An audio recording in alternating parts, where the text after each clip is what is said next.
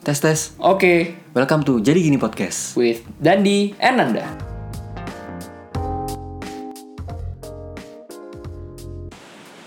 Jadi gini Dan, Gimana gimana tuh Nan?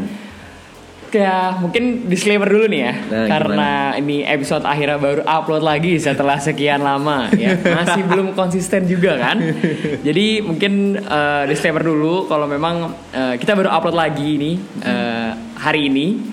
Jadi mungkin kalau yang emang eh, sebelum udah pernah dengerin, ini akhirnya kita ada episode lagi. Jadi tenang kita belum mati, belum hilang, Belum. belum yang tiba-tiba setengah-setengah habis itu cabut, habis itu hilang nggak? Kita masih ada. Ya semoga pendengarnya juga masih ada ya. Semoga nggak hilang juga ya, masih nungguin juga gitu ya. Terus mungkin disclaimer kedua juga Dan. Disclaimer kedua boleh gitu. Ini backgroundnya agak-agak ada suara-suara hujan ini bukan efek ya, bukan apa ya, tapi memang beneran hujan. Jadi mungkin kalau emang ada noise-noise hujan, kita sorry banget ya, tapi emang lagi hujan nih sekarang. Buat gitu. yang suasana hatinya lagi sendu kan pas malah menurut gua. tapi mungkin nggak pas sama topik yang mau kita Oh bahas. iya iya iya iya iya bener sih. Ya udahlah. La- langsung aja lah Tapi gitu. nggak gini, kita live update dulu lah. Seminggu kemarin tuh nih ngapain aja nih lo sekarang dan? Gua pribadi sebenarnya nggak ngapa-ngap ya pas weekend weekend minggu lalu itu gua olahraga aja lah. Asik. olahraga lari-lari aja lari-lari kecil. GBK, GBK. Di, di GBK bener gue lari. Nyampe sana tuh gua jam berapa ya? Jam 9 Ya, udah terik kita mau udah terik. banget anjir. gue lari gue lari tuh cuma saat gak nggak. Gue tuh muterin satu keliling aja GBK Hmm, hmm, Eh, stadionnya. Hmm.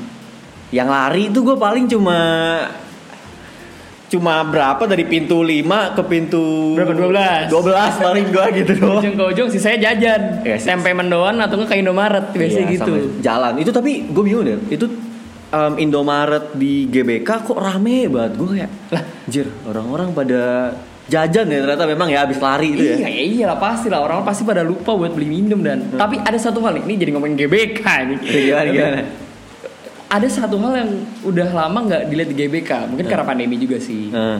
Tukang sewa sepeda dan, sama sepeda Oh, tandem. tandem. Nggak ada kan Tandem, sekarang iya, kan? udah nggak ada, iya, kemarin udah nggak ada. Nggak udah nggak ada lagi. dulu oh iya ya kemarin pas gue lari itu nggak ada sih sepeda dulu bisa ya karena nggak udah nggak ada pandemi sih setahu gue ya habis itu udah di clearin nah itu sih yang udah dikangenin oh, oke berarti lu lari nih seminggu kemarin ya update-nya ya? uh, uh. oke seminggu kemarin kalau gue sih Heeh.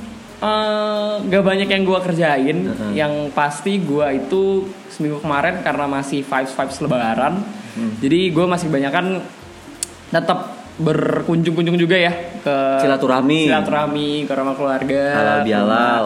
hal udah mulai ada hal bihalal juga kan Hmm. kemarin kita habis halal bihalal juga sama teman-teman apa segala macem jadi ya masih ordinary things lah yang dilakukan lah gitu. Ini em, ngomong-ngomong soal lebaran dan em, halal bihalal nih kita belum halal bihalal ke pendengar dulu. Em, ya buat para pendengar mungkin yang gue banyak salah mungkin eh, salah ngomong atau apa mungkin ya. Em, ya mohon maaf lahir batin lah. Betul. Em, mohon maaf lahir batin semua pendengar sorry kalau kita ada salah kata sama nanti yang mau kita ngomongin nih. Mungkin. Depannya depannya nih habis setahun ini. ke depan. Iya. karena minta maaf lagi tahun depan ya betul. Ngomongin soal setahun ke depan kita udah setahun dan bikin oh ini. iya oh iya Ini Bulan sekalian apa juga ya? Eh, kita kan start di bulan Mei juga, Mei atau Ma- Maret ya? Aduh, ini harus dilihat ya. bulan Mei atau Maret ya Heeh. ini episode ke 9 Ke sembilan, lihat gimana nggak konsistennya kita tuh kan? Harusnya orang biasanya podcast tiap minggu kita Tiap- belum tiap bulan udah aja setahun belum aja tentu. belum nyampe 10 tiap bulan aja belum tentu recording Aduh, Aduh. kacau, kacau, kacau emang. Tapi nggak apa-apa. Ya, kita udah mau start konsisten lagi ya. ya, ya semoga aja lah heeh, Semoga waktu aja. mendukung, semoga keadaan mendukung dan segala macam. ya butuh semoga em, apa namanya para pendengar ini juga nggak bosen lah ya Bener, kan kan? nggak bosen nungguin Atau emang nggak nungguin? Nungguin ya ada ada aja bisa oke oke oke nah nggak nih tapi kan nah kan ini ada gap dari Januari nih terakhir kita upload di episode ke 8 ya Dan, ya? Delapan, terakhir delapan. sampai sekarang kita apa namanya eh, belum Belum. upload lagi nih baru recording lagi Mm-mm. nggak emang nih apa sih menurut lo nih apa ya kayak obstacle atau hal-hal yang bikin lo jadi nggak upload kita jadi nggak upload gitu apa menurut lo Dan? gue nggak mau bilang ini obstacle sebenarnya ya Hmm. Cuma ya memang em, time management lah. Gue masih orang yang kayak time managementnya masih perlu diimprove kalau Oke. gue ya kan. gue nggak mau menyalahkan pekerjaan tapi ya gara-gara pekerjaan ini. ya tapi ya gue setuju sih overall emang eh, salah satu faktor terbesarnya juga karena kita emang udah sibuk sama pekerjaan masing-masing juga lah ya mm. that's why belum ketemu lagi nih jadwal yang pas eh, buat akhirnya kita recording lagi gitu ya ya gue sama lu kan sama-sama kerja di perusahaan tech company Iya, iya. startup kan. Betul, Jadi ya betul, betul. seperti stigma stigmanya stigma stigmanya e-commerce lah ya Iya, e-commerce em, butuh cepat dan Eh, tanggap. Dan tapi Ah. Dan ngomongin nih soal kerjaan nih, gue jadi Hmm. sebenarnya tertarik nih buat discuss soal kerjaan-kerjaan ini nih. Hmm, Jadi hmm, kan ya tadi lu sempat udah sempat ngomong ya kayak sempat nge-highlight soal eh, ya biasa lah kalau kerja di tech company kayak gimana. Ah, nah, berarti ah. kan itu related banget sama stigma dan Stigma, dan iya. realita yang udah kita jalanin. Gue udah dari November gue kerja di tech company, sekarang berarti udah mau masuk lu? 6 bulan. 6 bulan. Baru 6 bulan sih emang. Gua Lu? dari em, total gua sih udah setahun lebih kalau gua. Tapi kalau itu sama intern. Oh iya, sama Ah, intern. Ya gua kurang lebih 9 bulan sih udah udah. 9 bulan ya Ah. udah, udah, udah cukup lebih lama gitu jadi sebenarnya ini sih dan gue kepikiran jadi apa yang stigma nih yang selama ini kita dapat nih amat eh, di tentang tech companies karena kan kita dulu sebelum masuk pas kita dulu masih kuliah kan ngerasa kayak ini tuh bener deh kayaknya yang stigmanya orang-orang terkait dengan perusahaan teknologi gitu atau perusahaan perusahaan eh, re- startup lah gitu. Hmm. Nah tapi sama realita yang dijalanin tuh beda atau sama gitu. Mungkin gimana? Lu mau point out satu poin dulu gak nih terkait dengan stigma yang biasanya muncul buat kalangan tech companies gitu. Em, ini gue mungkin mau meng-highlight soal jam kerja. Hmm, oke. Jam kerja yang kalau stigmanya nggak menentu gitu Hmm, katanya kalau oke. buat di startup em, tech company gitu-gitu. Kayak lu tuh bisa kerja sampai jam berapa aja. em, lu bisa ya lebih ke kayak flexible working hours Yap. gitu ya Hmm. kan. Tapi kadang flexible working hours meaning ya lo kerja bisa dengan overtime se overtime overtime itu gitu loh dan menurut gue sih untuk apa ya buat stigmanya ya sebenarnya balik lagi ke diri lu menurut gue itu terjadi karena apa? Karena menurut gue lu di saat itu itu lo masih dalam fase adaptasi menurut gue ya secepat-cepatnya ada deadline atau apa tuh pasti dikasih tenggat waktu kan. Gue yakin soal itu sih. Tapi menurut gue itu memang lagi fase adaptasi. Dan kadang orang di fase adaptasi itu yang mereka ngerasa kayak gila nih gue udah over banget nih gue udah em, gila ini nggak cocok nih buat gue gitu-gitu. Karena itu gue itu yang gue alamin juga waktu itu dulu awal-awal. Kayak ah, gue bener-bener overwhelmed nih sama kerjaan yang gue dapetin yang gue yang gue lakuin sekarang gitu.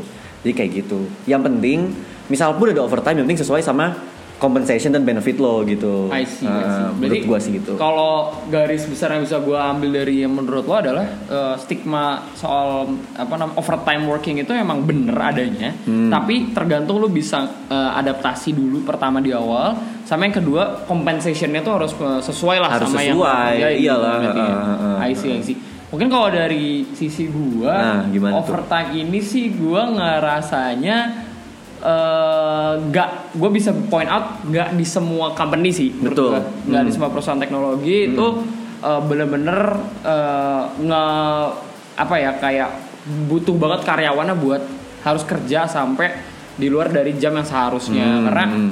mungkin kalau pengalaman dari gue gue justru nggak eh, sering atau bahkan hampir nggak pernah sih yang namanya Overtime. eh, kerja overtime dan ya memang semua di perusahaannya tuh memang menghargai kayak eh, di saat memang sudah waktunya eh, pulang pas segala macam itu emang udah berhenti kerja tapi memang nggak bisa dipungkirin kalau misalkan emang ada hal-hal yang urgent Hmm. di luar jam kerja Hmm. ya itu emang harus dibantu gitu loh karena Hmm. ya kalau gue case kemarin itu pas lagi libur bahkan Hmm. itu tuh ada eh, sesuatu yang cukup vital lah di perusahaan yang perlu di take actionnya tuh segera gitu loh. That's why Nah. itu harus diberesin gitu. Jadi yang menurut gua ya realitanya nggak seperti itu. Nggak segitunya nggak sebenarnya, segitunya nggak sih. segitunya. iya iya Ah, benar-benar ah, ah. tapi maksudnya prakteknya bener adanya tuh memang ada tapi nggak semenakutkan itu sih kalau Ta- menurut tapi gua. tapi nih lo kerja di situ kan orang kayak kerja oke gue pengen kerja yang 9 to 5 9 to 5 lu beneran 9 to 5 nggak?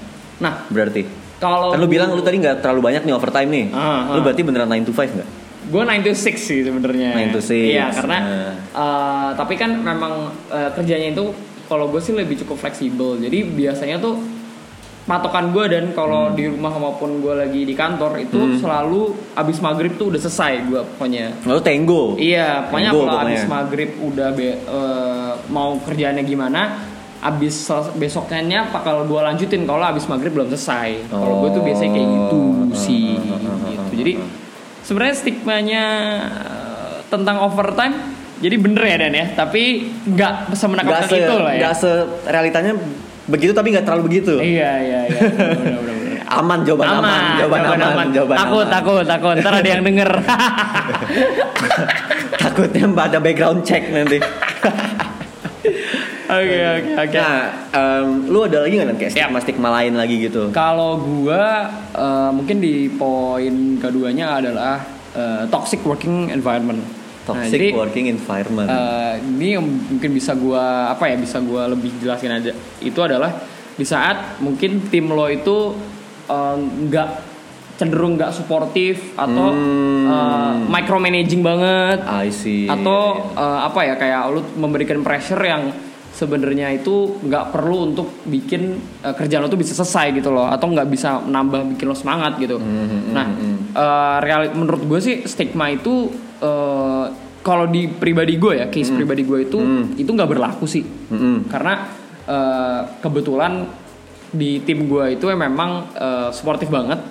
Eh, kalau misalkan mereka ngehargain yang namanya privacy lo mereka juga ngehargain eh, scope kerja lo itu seperti apa walaupun memang eh, di setnya based on target ya cuman tetap aja eh, bisa kalau emang ada masalah itu tuh pasti di sofa bareng-bareng gitu loh nggak yang dilepas bagus berarti dan nggak lo micromanaging apa segala macam. Jadi eh menurut gua itu case by case sih dan. Kayak nggak semua tech companies itu ah, bukan satu perusahaan bahkan ya tapi itu tuh tergantung Timnya dari aja. timnya aja Ah, gitu loh. nggak bisa disamain apa segala macam gitu Ah. kalau gua sih gitu ya dan ya. Kalau lu gimana? Em, sebenarnya depend sama toksiknya itu sendiri sih. Oke menurut nah gua, oh ya kan? kita belum bahas soal toksiknya itu apa ya? Iya, Ya, gimana gimana toksiknya Gimana tuh, sendiri. Dan? maksudnya um, as in kalau itu kan udah soal suportif kan. Hmm, yep. suportif gitu atau juga banyak orang yang kayak toksiknya tuh as in misal kayak um, bercandaannya nggak masuk. I see. Banyak juga tuh yang kayak apa ya bercandaannya tuh bercandain orang gitu. Mungkin beberapa tim gue nggak kayak gitu. Tim gue btw suportif banget juga sama kayak tim Nanda jadi gue sejujurnya belum merasakan ada toxic working environment. Cuma kalau gue dari orang misalnya ada cerita ke gue kayak iya nih di eh, di tim gue terlalu gini. Bisa juga jadi karena biasanya ada age gapnya yang yang cukup gede gitu age Oke, gapnya misal kayak iya, iya, yang senior ya. eh, eh, bercandanya terlalu bapak-bapak yang yang masih muda di tim itu cuma satu gitu misalnya kayak gitu jadi kurang bisa relate lah ke atas dan ke bawahnya kurang bisa relate gitu Nah, tapi gue kalau yang tadi case lo itu dan yang Ah. age gap yang jauh, Ah. justru malah apa ya? Gue tuh jadi tahu pengetahuan-pengetahuan Hmm. soal adulting dari mereka dan Hmm. contohnya kayak misalkan mereka bahas soal eh, apa namanya, gimana nih caranya mau strategi kalau mau eh, nyicil kredit mobil gimana? Oh, yang gitu-gitu. Strategi Itu- itu good banget sih menurut gua Iya. sih. Iya sih, gue gue disuruh apa ya kayak ngerasa, wah gue dapat Udah- udah insight- mikirin ya sekarang ya? Iya. Terus kayak ini kalau mau nikah gimana persiapannya Eh. gitu dan sumpah gila sih. Seru sih kalau gue sih sempat sempat bahas kayak gitu. hmm iya iya iya sebenarnya sama sebenarnya ini sih tadi lu nyinggung soal micromanage. Hmm. itu gue apa ya em, bisa relate tapi bukan ke toxic sih. Karena menurut gue gue ngerasa banyakan kebanyakan bos menurut gue ya eh, manager dan em, pokoknya atasan-atasan gitu mereka tuh ini nih ini menarik sih. Karena beberapa waktu yang lalu bos gue tuh kayak minta eh, bawahan-bawahannya kroco-kroconya.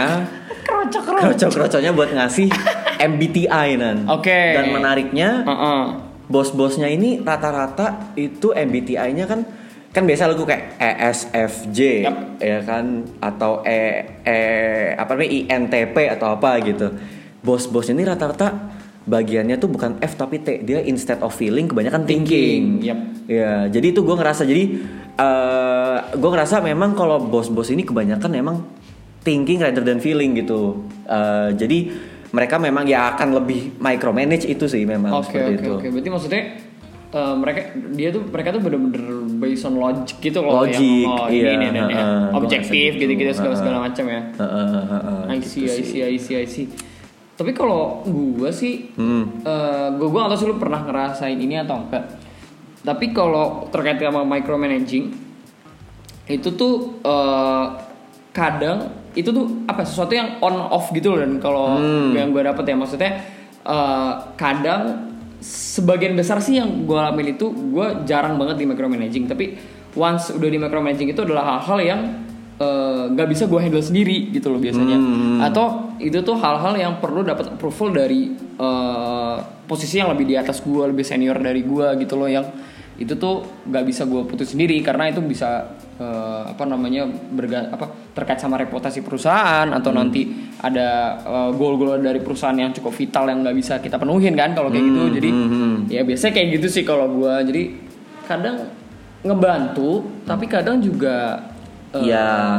ya bisa bisa bi- sesuatu yang bisa lebih cepat jadi agak lebih lama. Ah, dan bisa bikin kadang eh, capek juga kali ya kalau emang Emang terus. kroco-kroco tuh pengennya singkat-singkat aja, instan-instan aja kroco-kroco itu. Maunya yang instan-instan aja iya, ya? kroco-kroco gini. Iya sih bener. sih.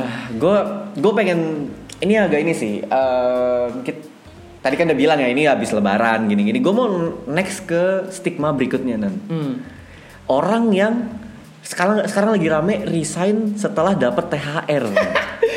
Itu itu stigma atau realita tuh? Nggak banyak gini. Em, akhir tahun biasanya, eh awal tahun gitu. Ah gue mau resign abis THR. THR turun. Udah. Gak jadi resign gitu. oh, nah kalau kalau di gue pernah dengar istilahnya itu bursa transfer dan. Oh, bursa transfer. Jadi ada bursa Bursa transfer di akhir tahun. Itu orang-orang pada cabut sama pada masuk sama di pertengahan tahun pas lagi THR udah turun. Ah, Itu biasa bursa transfer turun. tuh. Nah, itu tapi di lu berarti nggak kejadian ya? Nggak nggak tadi lu bilang kayak nggak semuanya itu benar-benar resign apa gimana? Oh banyak sih sebenarnya sih Oh. resign banyak banyak tiba-tiba lah. Ini kok udah last day last day aja nih. Udah crispy cream crispy cream. donat. donat biasanya donat makanan last day kan kayak gitu. Ya apa ya? Tapi menurut menurut gue ini sih eh, kocak karena apa? Karena gue denger cerita dari temen gue. eh, Dia udah kepikiran resign, dia udah udah, udah daftar-daftar nih, udah daftar-daftar, dapat interview, interview user, dia interview sama orang usernya nih, usernya tuh orang yang nge-hire dia dulu. Oh. Ibaratnya kayak meme Spider-Man tuh nggak ditunjuk-tunjukkan tuh. Iya. Lah, ini dulu di, di, di tempat gua yang gue pengen ini nih. Oh jadi dia udah pindah. Iya. Terus pas dia daftar di si orang ini yang eh, daftar lagi, Hmm. dia diinterview sama orang yang pindah itu. Iya. Iba, ibarat dia ini apa namanya? Dia dulu masuk ke company ini, Hmm. ke company A nih. em, atasannya si manajer ini. Manajer resign. Oh, oke. Dia ngerasa udah gue mau resign, gue cari-cari interview ke company B. Lah yang interview kok Orang yang sama juga. Orang yang manajer yang Iya. Iya, iya, iya, iya, itu ternyata fenomena begitu tuh nyata nan. Iya, benar-benar benar-benar sama. Berarti emang menurut gue itu poinnya adalah emang apa ya jaga relationship sama manajer lu tuh Bener, penting bener banget, banget, ya. bener banget. Lo harus lo harus punya hubungan yang baik lah sama coworkers lu gitu. Iya, karena kalau yang gue dapet dan justru malah kebalikannya saat kalau tadi kan yang aktif tuh si uh, employee employee-nya ya. Mm-mm. Nah kalau yang gue pernah denger itu adalah justru malah kadang eh, em- apa manajer-manajer kita itu justru malah kalau kita berhubungan sebaik sama mereka, mereka juga jadi nyari kita gitu loh. Kalau memang kita eh, apa namanya rasa kayak kita pengen ny- nyari opportunity lain nih. Nah biasanya manajer-manajer kita yang mungkin kerja di tempat lain itu pasti akan bisa milih-milih kita juga gitu loh, pertimbangan kita juga gitu. Jadi ya. Iya sih, itu juga- sekarang, Sekarang udah zamannya bajak membajak nan. oh gitu. Eh, antar company jadi ya. Tapi yang gue tau nih ya dari resign itu eh, terkait sama resign sebenarnya. Hmm. Ini ada dua tipe kan. Ada yang setia di satu perusahaan dan dia kayak eh, tunggu berapa lama buat Setahun sih biasanya. Setahun atau dua tahun buat Eh. at least naik terus lah ke jenjang karir berikutnya. Tapi ada juga yang kutu loncat dan. Nah, loncat nih. nih fenomena kutu loncat nih gimana nih menurut lo dan? Tiga bulan, tiga bulan, tiga bulan gitu ya. Eh, udah kayak intern nih. Udah kayak intern, Gila, padahal intern. full time lo bayangin. Ya menurut gua good for good for that person sih karena pasti gajinya naik terus. Iya sih. Ada Iya, increment iya, terus iya, gitu. Selalu ada increment ya selalu naik. Tapi Iya. eh, ada soalnya ada anggapan gini dan Hmm. saat lu jadi kutu loncat dan terlalu sering buat lompat-lompat sana sini Hmm. Itu jadi apa ya sentimen negatif lah buat si HR atau recruiter lo itu gimana sih? Bener nggak? kayak lu nggak loyal gitu-gitu. Ah, ah, kayak "Oh, ini tiga bulan udah cabut apa tiga bulan karena gue belum pernah ya jujur buat pindah karena kan ini baru kerja Hmm. Sama. sama gue juga gitu jadi eh, katanya tuh soalnya ditanya juga sama si recruiter atau usernya kayak Kenapa pasti kenapa, kenapa, lu cuma pindah dan gitu. kenapa cuma lu cuma tiga bulan? nah itu kan nah itu gua itu bingung yang gue itu gue penasaran gitu. juga sih. Eh, ada orang ada orang yang kayak gitu terus gue bingung. Ini kalau ditanya gitu dia bakal jawab apa ya? Iya loh, Gue gue pernah gue pernah ngeliat nih orang nggak usah sebut lah ya siapa Eh, ya. jangan. Eh, sebut lah ya. Ini orang ditanya waktu itu kenapa pindah setelah tiga bulan? Jawabnya gini, ya kenapa enggak? waduh Waduh.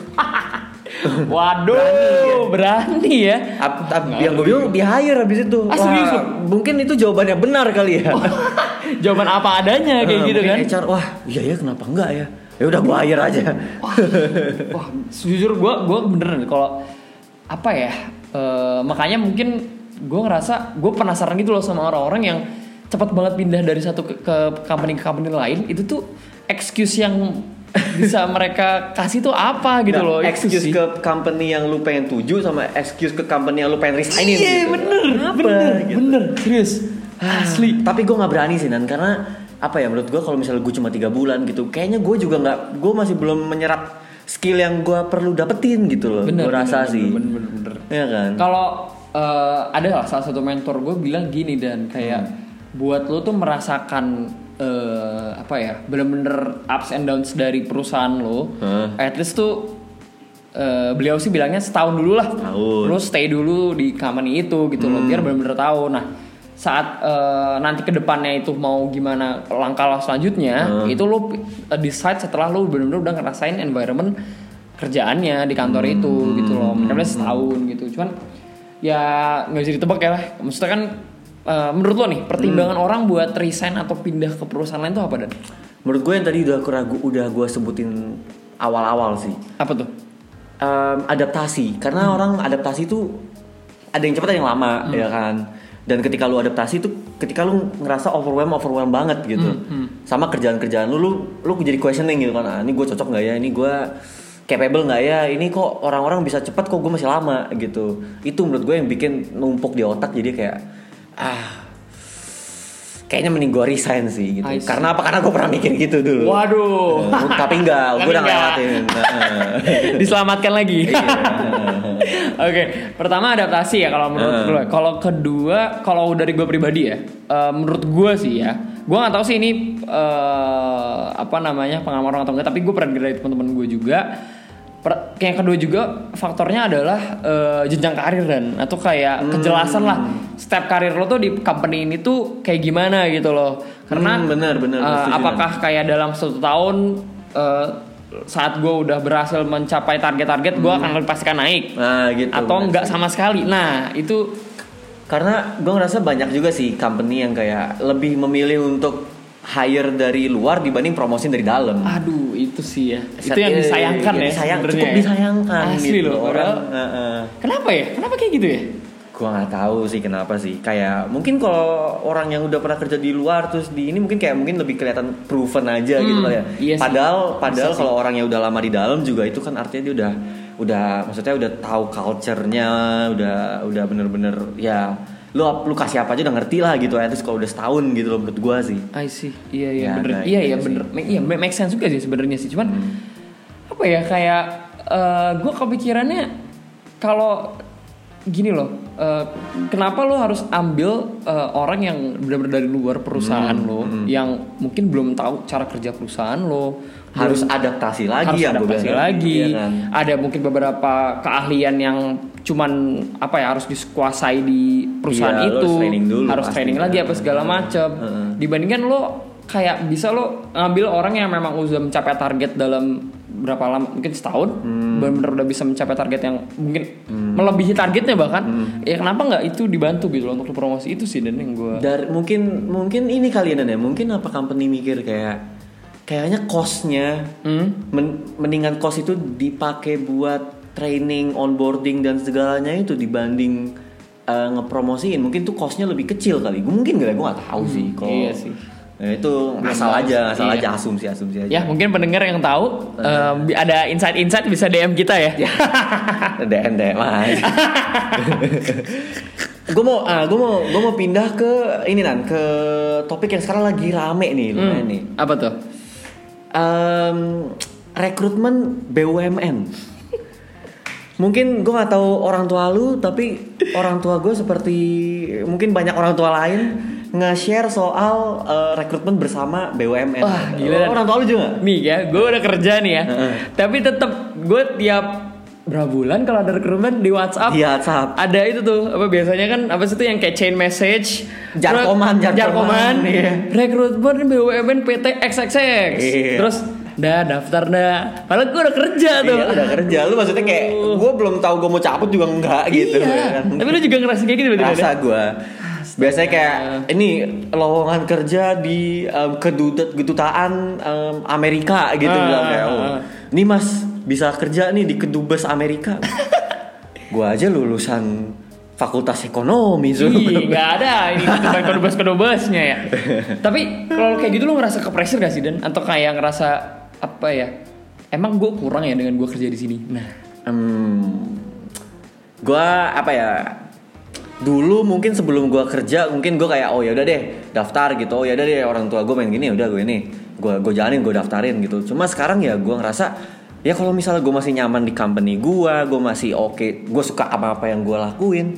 Ya gue maksudnya gue bisa sih ngomong ke orang tua gue kayak "Em, ini ini bagus nih prospeknya ke depan juga akan bagus gitu gitu karena nggak semua orang tua ngerti kan soal itu kan. Ya gitu sih. Kalau lu gimana? Kalau gue ya gue sejujurnya ada rasa di mana kayak apa ya? Ya gue emang apa ya? Emang dengan gue kerja di sini itu tidak eh, apa ya? Tidak sama baiknya gitu loh. Hmm, hmm. gue dengan gue mendaftar BUMN gitu misalkan gue ada rasa-rasa kayak gitu sih dan sejujurnya pas eh, suka dikirimin kayak gitu makanya gue tuh kalau ngejawab eh, biasanya kalau ada jarkomannya dikirim itu tuh oh ya eh, bu ya nanti ah, coba nanda lihat dulu nanda cek dulu gitu cuman sebenarnya eh, sejujurnya juga ngerasa gue tuh apa ya ya buat nge-explore yang lain tuh gue masih pengen gitu loh dan. Jadi di mana eh, gue pengen apa namanya stay di perusahaan itu aja dan pengen coba explore dulu baru nanti ke depannya gue tuh pengen apa rencananya. Itu tuh sebenarnya yang pengen gue pikirin gitu loh. Tapi apa ya apa ya rasa bu ke pressure-nya itu tuh menurut gue gue masih ada gitu Lu loh. masih kerasa ya. Iya gitu. Dan apa ya Hmm, hmm. Ya ekspektasi banyak sih. Pertama dari company-nya terus mungkin juga dari salary yang lo dapet. Itu kan juga ada pressure-nya gitu loh pasti. Dan lo juga pasti nge-share ke orang tua lo kan. Kalau gue sih gitu sih ngerasanya sih. Ah, kacau sih. Tapi kalau pas lebaran kemarin ditanyain gak lo sama Apaan? keluarga lo? Apa? keluarga besar gitu. Apa? kerja di mana Randy Iya. sekarang? Nggak daftar ini gitu gak Dan? Iya gue kerja, gue kan gue mungkin gue udah pernah bilang sebelumnya gue kerja di e-commerce kayak, oh iya ya, Em, gimana ya man? Tapi sebenarnya ini sih nan, kalau gue stigmanya bagus sih dari keluarga besar Oke, gue. Oke gue oke. kerja di itu, oke.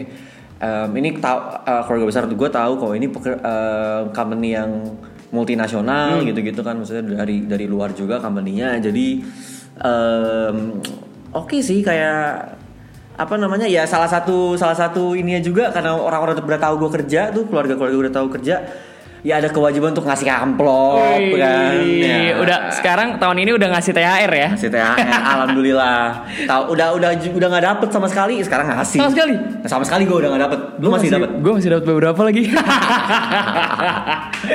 enak enak lo jadi ke, lu lu ngasih nggak tapi THR Nah, jadi gini ceritanya tuh gini dah. Jadi gua itu nanya kan ke orang tua gua Eh. kalau ngasih enaknya gimana? enaknya berapa Apa gitu. Eh. Terus nggak nggak lu harus ngasih berapa orang nah, gua tuh kan wah banyak sih dan kayak yang pasti tuh adik gua. Nah, gua masih ketemu nih sama adik gua nih. Hmm. Terus ah, sama banyak tuh sepupu-sepupu gua lah yang dari nyokap. hmm.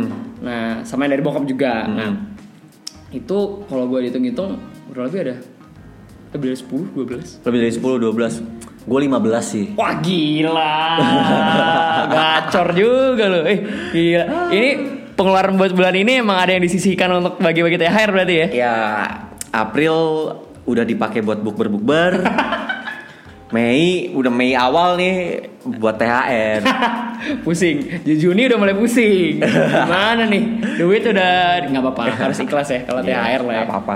Iya. Aduh. Ta- Tapi ya Nah kita tadi ngomongin apa gitu terakhir kan kenapa jadi THR anjir Gue lupa. Oh lu tadi nanyain gua Oh em, keluarga gimana soal iya iya keluarga gitu Ya kalau dari gua sendiri itu sih sebenarnya eh, nggak begitu banyak. Apa namanya kayak eh, Tanggapan negatif dan positif itu lebih ke general aja gitu. Kayak nggak positif atau negatif. Tapi eh, apa namanya malah justru malah anggapannya eh, bahkan ada paman gue satu yang dia jadi discuss soal fintech sama gue gitu loh kayak Ah. dia yang kayak nanya-nanya eh ini ada loh ya, eh, ada platform kayak gini coba deh masukin ke perusahaan lo gitu-gitu yang Oh kayak jadi malah oh inilah. sekarang gue jadi diikut Ah, didiskusikan iya. soal itu gitu jadi apa ya Lu kita dianggap- jadi lu pakar ngerti, gitu lu dianggap ngerti. iya Iya. gitu Heeh. seru sih seru sih Kalau gue dianggap ngerti dalam hal ini karena kan gue di e-commerce kan. Ah. Saudara gue waktu itu nelpon gue, eh Dandi, ini lagi ada gangguan ya, kok bayar gak bisa? Mana gue tahu, coba kan gue gak bisa bilang gitu. Iya betul. Buat saudara-saudara eh, disclaimer kalau kita kerja di situ bukan berarti kita customer service-nya ya. Bukan, bukan berarti kita tahu semuanya juga gitu. Gue kerjaanku cuma ngurusin brand-brand sama seller-seller doang gitu. Gue Betul. nggak tahu kalau gue nggak bisa bayar gitu atau ada error di Indomaret gue nggak tahu. Oke oke. Nah dan oke kita jam dari yang tadi ekspektasi orang-orang ter- dan BUMN. Sekarang kita ngomongin soal tiga poin nih yang gue sempat lihat di Twitter kalau nggak salah deh. Yang time, salary, sama mental. Dan katanya lu tuh nggak bisa pilih eh, tiga-tiganya, tapi lu cuma boleh pilih dua. Nah eh, kalau lu sendiri ya, Oke, eh, kita pakai keadaan yang tadi tiga itu ya. Menurut lo, kalau di antara tiga itu lo bakal pilih yang mana? Gue milih, berarti gue gak, gua nggak bisa dapat tiga tiganya, gue milih dua, Dua, aja. Gue milih dua aja. Salary of course, karena gue Oke. gak bisa hidup nggak pakai duit. Hmm. Aduh, gue mikir Sulit banget, ya. sulit ya. ini ini menarik kalau kita tanyakan ke pendengar juga deh kayaknya ya. Iya. Seru ya.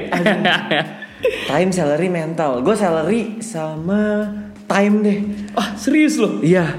Karena apa? Karena gue karena gue akan gue ngerasa mental itu gue akan dapatkan dari bisa dari time yang gue eh maksudnya gue punya waktu yang gue sisihin sama gue dapat uang gue bisa dapat mental di situ gue anggap anggapnya gitu sih lu gimana. Dan?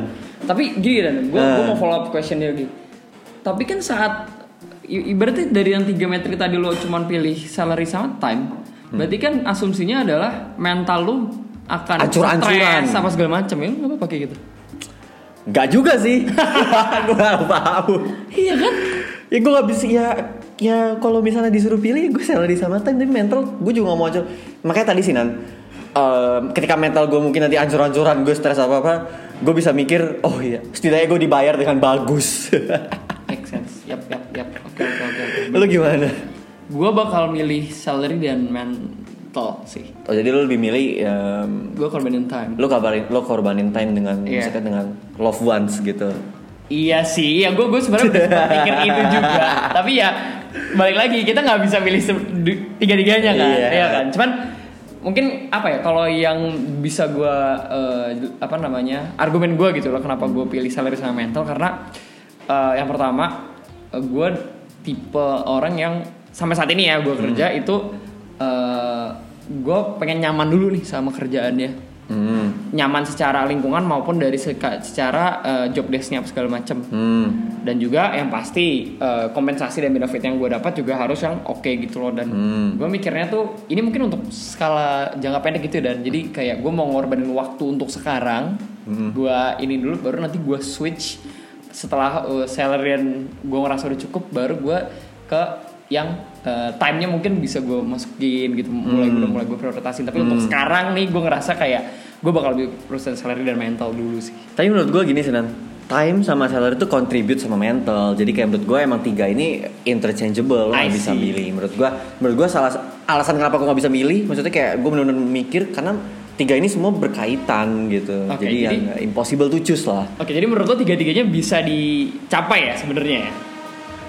Menurut gue at some point lu harus lu harus turunin ekspektasi lu sih. Hmm. Lu nggak bisa kayak semuanya full gitu, fully fully Oke. achieved gitu loh. Yap. Kayak oke, lu harus turunin dari sisi mental lu, salary lu, time lu gitu. Kayak oke, lu sampai Diatur lah ya. Lah, lu sampai satisfied gitu. Tapi lu bukan yang achieve, tapi lu satisfied dengan Oke. itu. Gitu menurut gua. Em, asal ngomong aja sih. Tapi nggak apa-apa itu kan based on apa yang lo rasain kan. Iya. Nggak nggak salah juga. Benar-benar sih, benar sih. Ya, ya. Setuju, Mungkin- setuju, setuju, setuju. Eh, mungkin eh, next ke sekalian nutup lah ya mungkin ke akhir-akhir oke, lah. oke. Em, Udah, udah berapa lama sih kita nih? recording. Uh, udah Tiga- 30 Wah, menit 30 menit. ya?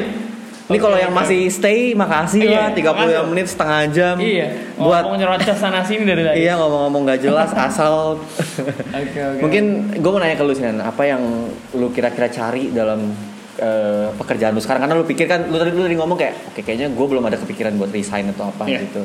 Apa sih yang lu cari sebenarnya ke depannya?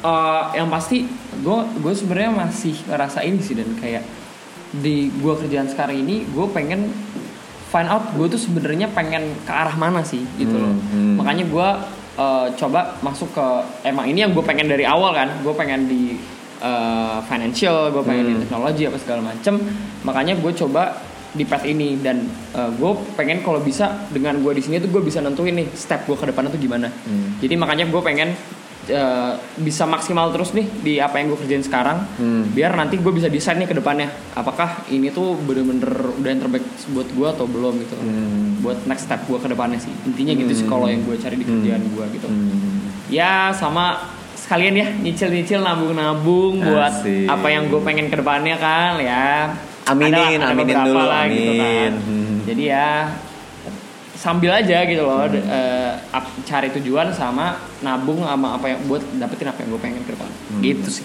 kalau lo gimana nih Hmm, kalau gua sebenarnya gini sih, em, kerjaan gua sekarang itu banyak berhubungan sama pihak ketiga, Hmm. misalnya sama, sama pihak eksternal lah. Yap.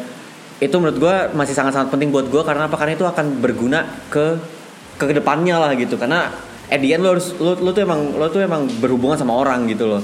Dan di pekerjaan gue sekarang gue ngerasa ini berguna banget buat gua personally dan professionally juga gitu loh. Gimana gua ya manage expectation pihak lain, gue gimana gue membangun hubungan baik itu kan maksud gue kayak berguna dalam uh, personal dan profesional gitu loh. Makanya itu gue masih gue masih seneng dan gue so far setelah gue adaptasi, setelah gue adapt, gue bisa nemu flow-nya, gue seneng sih um, menjalankan pekerjaan ini gitu. I see, I see. Kayak gitu nah. Jadi emang yang bisa gue tangkap ini ya Den ya intinya lo pengen coba build relationship terus aja lah ya sama Hmm. orang sebanyak banyaknya lah ya Hmm, dan, dan hmm, yang dicari kerjaan saat ini ya berarti ya. Mungkin uh, untuk nutup kira-kira mungkin s- apa ya? Apa yang ah, lu ini kan tadi kan kita sebut uh, sempat uh, nyebut soal bursa transfer gitu-gitu kan.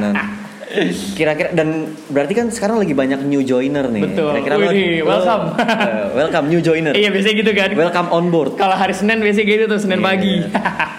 Kira-kira lu ada kayak apa nggak nan kayak sepatah dua patah kata lah yang udah kerja 6 bulan lah buat new joiner. Baru 6 bulan anjir diketawain gue sama orang yang udah kerja 10 tahun ini.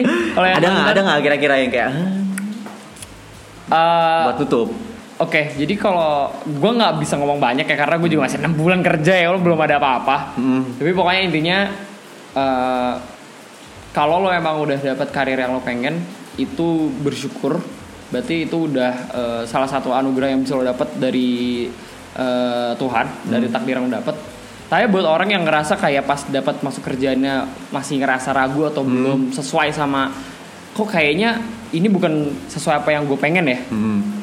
Kasih kesempatan buat kasih waktu buat kerjaan lo. Karena di mana pun lo berada itu udah jadi takdir yang lo dapet dan who knows ke depannya gimana kan. Mungkin lo jadi suka lo jadi tertarik lo mungkin juga ada kemungkinan buat pindah lagi kan.